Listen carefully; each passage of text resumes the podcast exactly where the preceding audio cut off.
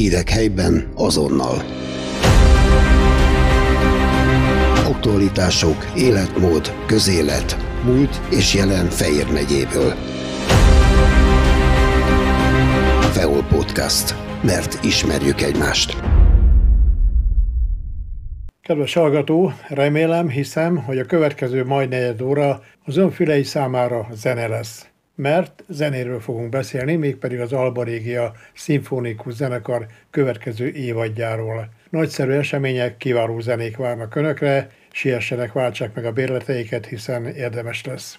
Sorrendben hallják Cserpalkovics András polgármestert, Ruf Tamást, a zenekar igazgatóját és Dobszai Péter karmestert erről az évről, az ígéretes esztendőről hallgassák hát. Polgármester úr, azt tudjuk, hogy Székesfehérvár a sportvárosa már évek óta. Én meg mindenkinek hirdettem, hogy Székesfehérvár a művészetek városa is, mert van színház, ami sok helyen van. Van baratszínház, ami kevés helyen van. Van szimfonikus zenekar, ami nem minden helyen van. Hogyan bírja a város ezt a édes terhet, mert rengeteg munkája és nem kevés költséggel. Én is így érzem, és köszönöm szépen ezt a felvezetést, mert, mert valóban ez egy összművészeti várossá tudott válni, ami jól látszik egyébként most a Királyi Napok rendezvény sorozatán is, hiszen ezt úgy tudjuk megvalósítani, hogy valójában saját humán erőforrásból, saját intézményeink, közösségeink tekintetében lehet a programot összeállítani, hiszen a kultúra nagyon széles spektrumában található nagyon erős fehérvári közösség, vagy éppen nagyon erős intézmény. Ilyen szerencsére ezen belül is kiemelkedő módon az Alba Régia Szimfonikus Zenekar, amelyik most már évtizedes fejlődést mutat, de mindig sikerül egy újabb és újabb szintet megcélozni és ott elérni. Ezt szerintem a mostani évad is jól mutatja, hogy hogy lehet ezt elérni. Nyilván sokkal összefogásra kell hozzá, kell az állami támogatás. Örülünk annak, hogy például a szimfonikus zenekar esetében minden mostani nehéz pénzügyi keret és körülmény közepette is az állam tudta, méghozzá viszonylag jelentősen 100 millió forintos nagyságrendben növelni azt a forrást, amit a, a város kapott a szimfonikus zenekarára. Fontos, hogy, hogy ott vannak a támogatók, szponzorok, és kezd kialakulni a zenekar körül egy olyan civil közösség, amelyik képes finanszírozásban is segítséget nyújtani. A legnagyobb segítség az maga a néző, maga a közönség. Egyrészt a szeretete, másrészt nyilván megveszi a jegyet, amivel segíti a szimfonikusoknak a működését, és az önkormányzat is hozzáteszi a saját lehetőségeit, ami önmagában is egy közösség összefogásának és közös munkájának eredménye, hiszen mi ezt mindig iparüzési adóból tudjuk megtenni, amiért pedig nagyon sokan dolgoznak, akkor is, amikor mi mondjuk például beszélgetünk az ipari parkokba. Viszont láthatólag ennek eredménye is van, és az eredmény pedig, hogy valóban a város kulturális élete erősödik, minőségét tekintve is növekszik. Ugye a zenekar is most már minősített zenekar, ebből viszonylag kevés van már az országban ezen a szinten, és például egy bánkbánt augusztus 20-án Szent István napján itt Fehérváron ingyenes előadásként elő lehet adni egy gyönyörű belvárosi téren, ahol, ami szerintem olyanoknak is nagy örömet fog okozni, akik nem biztos, hogy jártak eddig koncertekre, de ide el fognak jönni, és azt fogják maguk megállapítani, hogy érdemes kézbe venni ezt a bizonyos évad tervet, és megnézni, hogy mely koncertekre érdemes jegyet vásárolni az elmúlt egy-két évben, pontosabban két-három évben mennyire akarták a fejüket, hogy ajaj, mit lehet itt csinálni, hiszen volt Covid, volt energiaválság, gazdasági válság, mennyire optimistán néznek előre, lehet egyáltalán optimistán előre nézni a mai világban? Lehet, én csak úgy tudok, általában egy optimista ember vagyok, de teljesen jogos a kérdés felvetés, hiszen a pandémia után az energiahelyzet nehézségei azok mind-mind okoztak olyan előre nem látható váratlan eseményeket, amihez kapcsolódóan valamilyen döntéseket helyben is kellett hozni. De most ugye be tudtuk jelenteni, hogy 2024-re és 25-re vonatkozóan is az állam maga, vagy az önkormányzat maga és intézményei számára be tudta szerezni a megfelelő mennyiségű áram és gáz kontingenst, viszonylag normalizálódott áron, tehát kijelenthető, hogy hála Istennek semmilyen veszélye a, a működés stabilitása tekintetében a következő hónapoknak nincs, tehát ha nem jön valami új váratlan, nagyon nehéz szituáció, akkor kimondhatjuk, hogy a jövő télen normális keretek között fognak tudni működni a intézményeink, benne a kulturális intézményeink, akár egyébként a zenekar, akár a művelődési házak, a könyvtárak, a színház, és folytathatnánk. Ruf Tamás, Magyar Igazságok száma három, a ti igazságotok is ennyi, hiszen a harmadik évadot kezditek el Székesfehérváron ebben a felállásban. Na, milyen volt az első kettő év? Nem volt egyszerű. Tulajdonképpen 2021-ben, amikor megkaptuk a bizalmat és a megbizatást, akkor éppen a Covid utáni nyitási időszak volt, gyakorlatilag senki nem tudta, hogy mi fog történni, vajon mernek-e jönni az emberek koncertre, vissza tudjuk-e csalogatni az embereket a koncertterembe, koncerttermekbe, vajon a szabadtérinek lesz inkább nagy vonzereje, aztán nagyon-nagyon gyorsan helyreállt ez a rend, azt kell mondanom, hogy az emberek vágytak a kultúrára, és igenis visszajöttek a nézők, és nem riasztotta el őket az, hogy megváltozott a bérletes rendszer, ugyanúgy megváltják a kedvezményes jegyeiket az egyedi hangversenyekre is, a sorozatokra is, úgyhogy ez az első kihívás úgymond sikerrel zárult.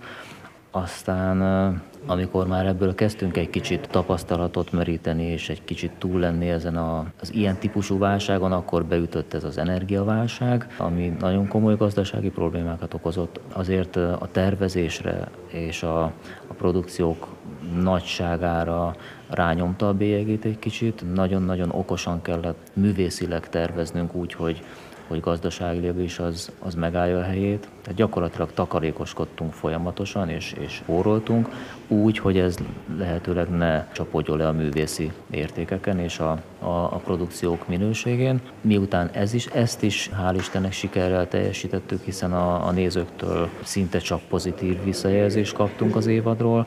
Most végre a következő évadon kapujában úgy állunk, hogy túl ezeken a nehézségeken talán egy kicsit tudunk fellélegezni, és, és nagyobb lélegzetvédelő produkciókat is színpadra állítani. Az első évben nagyon magasra állítottátok művészileg a lécet. Második évben ennél a lécnél még magasabbra ugrottatok, vagy tartottátok a magasságot? Én azt gondolom, hogy fejlődtünk. Azt szoktam mondani, hogy nincsenek csodák ebben a műfajban. A, a szorgalmas, kitartó munkában annál inkább meg lehet találni a megoldás kulcsát, és mi szorgalmasan és kitartóan dolgozunk és ez óhatatlanul egy fejlődést hordoz magában. Én azt látom, hogy kis lépésekkel, de, de nagyon-nagyon szépen haladunk előre, mind művészileg, mind pedig gazdaságilag, vagy éppen strukturálisan a fejlődés útján. Te a Székesfehérvári Helyességi Zenekar vezetője, karmestere voltál, most is néha vezényelsz nekik. A katonás rendet muszáj volt ennyi sok hangszeres művész tekintetében előhívni? A zene alapvetően fegyelmet igényel, és teljesen mindegy, hogy azt, azt egy katonai egyenruhában adják elő ezt a produkciót, vagy éppen egy rendőrségi egyenruhában, vagy éppen smokingban, vagy frakban, úgymond egy civil öltözetben. A maguk módján ezek mind-mind egyenruhák, és, és a zenéléshez borzasztó precízség és fegyelem kell. Tulajdonképpen ebben az értelemben nem kellett úgymond integrálnom a katonai fegyelmet a, a szimfonikus zenekarba. Ezt az évadot tekintve van-e hova tovább? Van, ez olyan, olyan szép ez a művészi pálya, hogy, hogy gyakorlatilag egy életen át nem, nem csak, hogy lehet, de kell is gyakorolni, és soha nincs egy, egy végső állapot. Tehát egy, egy zenésznek, de, de bármelyik művészeti ágban élő alkotó kollégának is szerintem élete végéig tart ez a fejlődés. Te, ha úgy tetszik, egy administratív tevékenységet végzel vezetőként, na de az alkotó éned mennyire kiárt időnként az alkotási rend? Gondolok arra, hogy zenét szerzel és vezényelsz is. Kicsit erre tény, hogy az utóbbi időben kevesebb időm van, néha nagyon-nagyon hiányzik, és de hál' Istennek sikerült azért megtalálni a, a, az egyensúlyt, hiszen idén sikerült egy kicsit nem csak hangszerelnem, de, de zeneszerzéssel is foglalkoznom, és, és egészen nagy koncerteket is sikerült dirigálnom. Nagyon közel állt a szívem, ez egy nagyon nagy munka volt, nagyon sok szervezéssel, idézőjelbe, nyűke, baja jár, de egy nagyon szép élmény volt most ez az évadzáró nyárindító Táncdal Fesztivál koncertünk például. A 2023-2024-es évadot tekintve mondja három olyan dolgot, ami neked nagyon közel a szívet ez, és éppen ezért nagyon szívesen ajánlod a hallgatóknak, a lendő nézőknek. Hát az egyik, amit nagyon-nagyon várok, az gyakorlatilag hat nap múlva Bankban eh, koncertszerű előadása. Nem véletlenül mondják ezt nagy nemzeti operánknak, gyönyörű, gyönyörű szép dolgok történnek benne, úgyhogy zeneileg is, és, és minden más tekintetben is én nagyon-nagyon várom ennek a megszületését. Aztán azért, a, azért Liszt Krisztus oratóriumát nagyon várom, az is egy nagy öröm, hogy, hogy sikerült ebbe, ebbe belevágnunk és hát azt gondolom, hogy, hogy a Bach Máté Passió az, az egy, az egy nagyon-nagyon izgalmas dolog, úgyhogy ez a harmadik talán. Dubszai Péter továbbra is Székesfehérváron, örömünkre. Nehéz év vár rád, azt gondolom, hiszen egy, ezt a rengeteg előadásra fel kell készülni kettő, ezeket be kell tanítani, el kell próbálni jó sokszor, és három évet a desszert, maga az előadás. Na milyen év vár rád? Egy kimondottan intenzív év, ez valóban látszik. Ugyanakkor azt mondhatom, hogy meglehetősen ritmusosan követik majd egymást a különböző feladatok, úgyhogy azt gondolom, hogy megalapozott bizakodással tekintek ezeknek a koncerteknek az elébe, beleértve ezeket a felkészülési és próbálási időszakokat is. Nagyon gazdag a, a műsor kínálat, úgyhogy a, az én számomra is vannak olyan művek, amelyeket most fogok először vezényelni. Ez mindig egy külön örömfaktor, ami a munkámnak a része. Úgyhogy itt augusztus végén energiával telítetten és nagy komoly készület jegyében várom, hogy elkezdjük a koncerttermi évadot. Tudjuk, anyásek egy van, karmesterennél több, és mint ahogy látom a programban, több karmester is részt vesz. Ez neked inkább öröm, mint sem féltékenység. Sőt, azt gondolom, hogy egy zenekarnak a fejlődésében nagyon fontos az, hogy minél többféle zenei esztétikával, minél többféle gondolkodással és habitussal és temperamentummal találkozzanak a kollégák. Erre az előző évadokban is nagyon nagy hangsúlyt fektettünk, hogy véletlenül se váljék egysíkúvá a karmester zenekar közötti interakció, és ennek az egyik a, a nagyon fontos alapvető eleme a vendégkarmestereknek a kiválasztása és meghívása. Színház, nagy színpad, kamaraszínpad, kamarelőadás, melyik micsoda a Fehérverek esetében a következő szezonban? A koncert helyszíneinknek a mérete meghatározza abszolút azt a művészi profilt, amit ott meg tudunk valósítani. Ennek jegyében azt tudom mondani, hogy a legnagyobb szabású koncertjeinket, azokat a Vörös Marti Színházban fogjuk tartani továbbra is. Ugyanakkor van az a fajta még kimondottan telt, de mégiscsak a kisebb alapterületet igénylő repertoár, ami a székházunkban és a Szent István teremben egyaránt nagyon szépen működik. És hát ezen kívül a, a templomi koncertek, valamint a kamara programok azok, amelyek a, talán a legintimebb teret és legintimebb kapcsolatot tudják létesíteni. Végén jöjjön a mézes madzag, húzd el a zene rajongók óra előtt, mondj néhány olyan igazi nagy estet, amire azt mondja a hallgató, hogy hűha.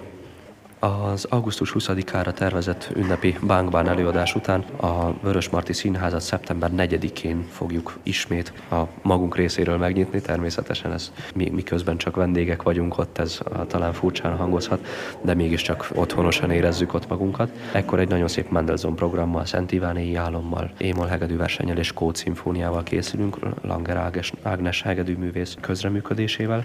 Ezen kívül az ünnepi bérlet eseményein az oratórikus repertoárt tartjuk műsoron, Halottak napján Kerubini Requiemét, karácsonykor Liszt Krisztusát fogjuk majd játszani.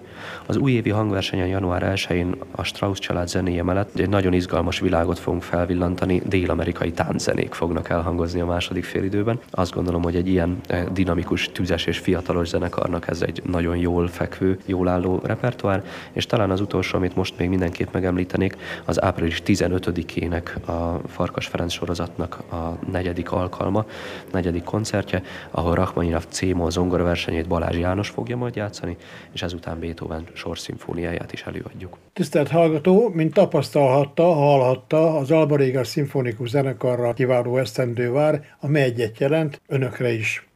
Érdemes lesz tehát a koncertekre járni, zenekedvelők figyelem, jó év jár majd önökre. Sia Sándor, Cserkpalkovics András, Ruf Tamás, valamint Dobszai Péter beszélgetését hallották a következő évadról. Hírek helyben azonnal. Aktualitások, életmód, közélet, múlt és jelen Fejér megyéből. Feol Podcast. Mert ismerjük egymást.